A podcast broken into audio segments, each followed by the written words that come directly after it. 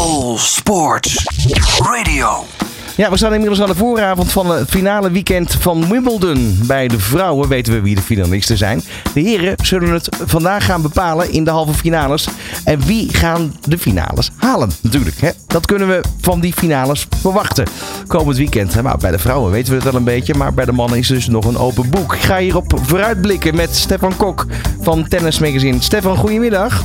Hoi, goedemiddag Ron. Ja, het, blijft een eh, legendarisch toernooi natuurlijk daar in Londen op het gras van Wimbledon. Ehm, het vrouwentoernooi op Grand Slam zijn altijd onvoorspelbaar.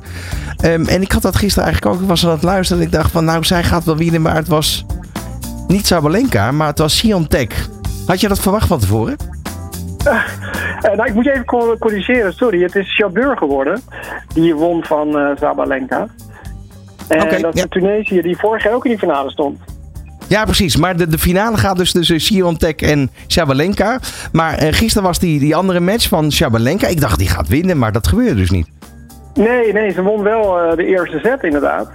Eh, we dachten allemaal van nou, hard hitter Sabalenka. Ze staat echt goed te spelen op het gras. Eh, de foutenlast lijkt wat minder en, en de winnaar is heel hoog. Maar ze won de eerste set in de tiebreak van Jabeur, maar uiteindelijk toch in drie sets eraf. Dus helaas geen nummer 1 positie voor eh, Sabalenka. Als ze gewonnen hadden, was ze de nieuwe nummer 1 van de wereld geworden. Ja, nummer 6 en 42 van de wereld. Dat is de finale uiteindelijk. Hè? Maar wat, wat zijn Chabeur en eh Vondrousova voor speelsters waar ze dus eh, tegen gespeeld hebben? Nou, dat worden echt dat zijn hele tactische speelsters. Vondrousova is een lefty, een linkshandige speelster, gebruikt de dropshot heel veel, veel creativiteit.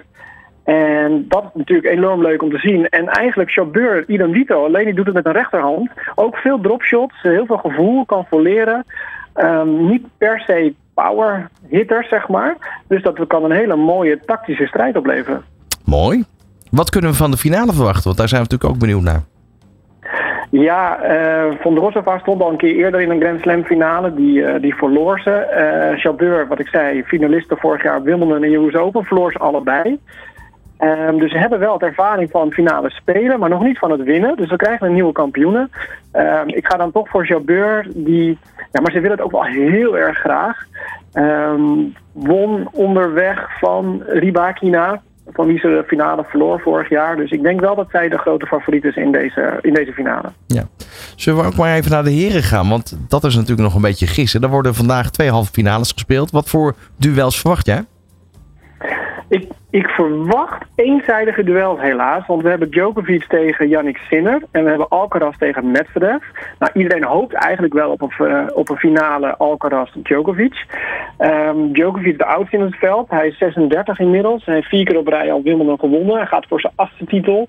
Eh, Hij speelt tegen Sinner. Die is ja, 14,5 jaar jonger. Er is nog nooit zo'n groot gat geweest in leeftijdsverschillen in de halve finale op Wimbledon.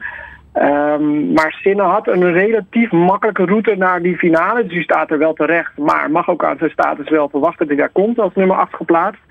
Ehm, speelde vorig jaar, speelden ze ook tegen elkaar op Wimbledon. Toen werd het een vijfzetter. Toen won Sinner de eerste twee sets. Maar ging er daarna toch wel gladjes de kant op van Djokovic.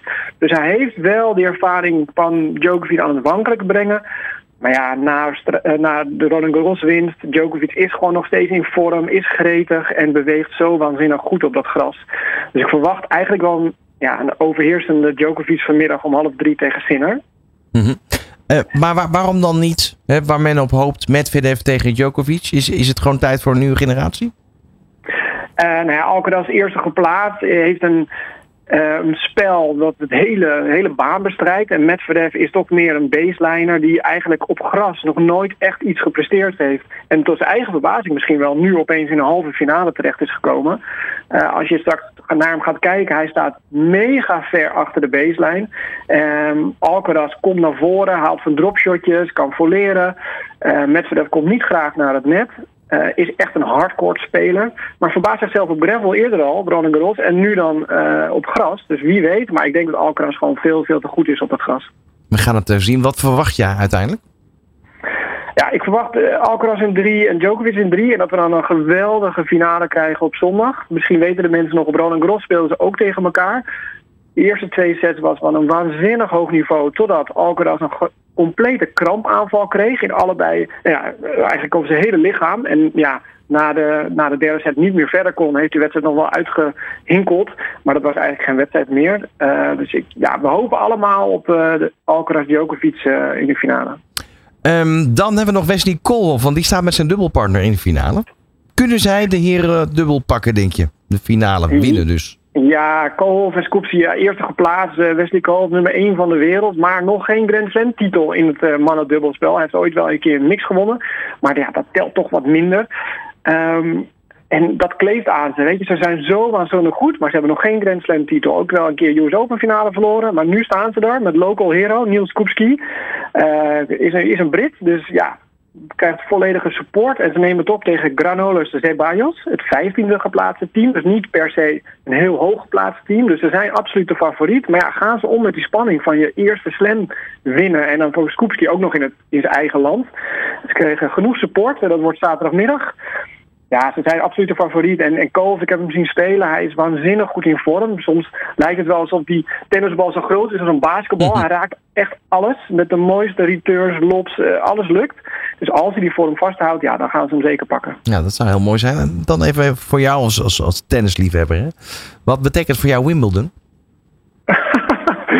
Ik weet niet of je mijn podcast hebt geluisterd, de tennistafel. Daar ging ik nogal los over wat ik allemaal uh, erger eigenlijk aan Wimbledon. En alle tradities en dat we daar tijd moeten hebben of nemen om dat allemaal te gaan veranderen. Want ja, het is natuurlijk super speciaal. Als je de eerste paar keer daar komt, ben je echt betoverd van wauw, dit is het grastennis van dichtbij. Het is echt absoluut geweldig. Maar de traditie zit er wat mij betreft ook wel eens het toernooi gewoon in de weg. Want we beginnen pas half twee bijvoorbeeld op Centercourt. Dat is laat, want om 11 uur moet het licht uit. Dat is gewoon afgesproken met de omgeving. Dus kunnen ze soms wedstrijden helemaal niet eens afmaken s'avonds. Nou, dat is natuurlijk ja, niet meer van deze tijd dat dat kan. Wordt het ook een beetje bestuurd door oude, oude mannen, mag je het zo zeggen? Als we het dan toch over tradities hebben? Ja, de, die lopen er wel heel veel rond, moet ik zeggen. En allemaal mooi aangekleed en allemaal een mooie, ja, uh, zeg maar, een mooie badge en zo. Dat, iedereen voelt zich ook meteen heel erg wat. Hè? Geef hem een, een, kaartje om hun nek en ze voelen zich heel wat. En, en als je zeg maar, de klassenverschillen op Wimbledon, dat is echt enorm aanwezig. Er staan mensen 15 uur in de rij voor een kaartje en die komen niet, misschien niet eens binnen. En er zijn mensen die hebben connecties of heel veel geld en die zitten daar prachtig te lunchen, hoog boven en die kijken neer zeg maar, op het gewone volk. En dat, als je met zo'n bril eigenlijk naar Wimbledon gaat kijken, is het best wel vreemd in deze tijd. En kan daar wel best wel wat voor mij betreft veranderd worden. Um, maar het blijft natuurlijk het grastennis, het pure, het gevoel. Het, ja, dat is ook wel weer prachtig. Ja, uh, overigens net zoals de telefoonverbinding van dit moment. Die is iets minder uh, helder, uh, Stefan. Dat is ook iets eigenlijk van wel leer, zou ik bijna kunnen zeggen. Dat komt niet meer zo vaak voor, toch? Hey, maar mag ik je bedanken voor nu? En ja, ik wens je natuurlijk een, fijn weekend met al die mooie finales en halve finales die eraan komen. Alle sporten van binnenuit. All Sport Radio.